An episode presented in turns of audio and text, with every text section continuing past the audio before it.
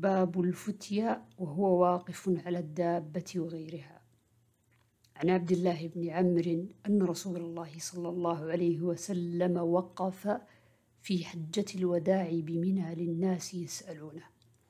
فجاءه رجل فقال لم أشعر فحلقت قبل أن أذبح. فقال اذبح ولا حرج.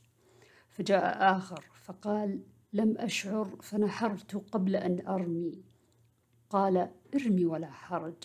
فما سئل النبي صلى الله عليه وسلم عن شيء قدم ولا أخر إلا قال افعل ولا حرج.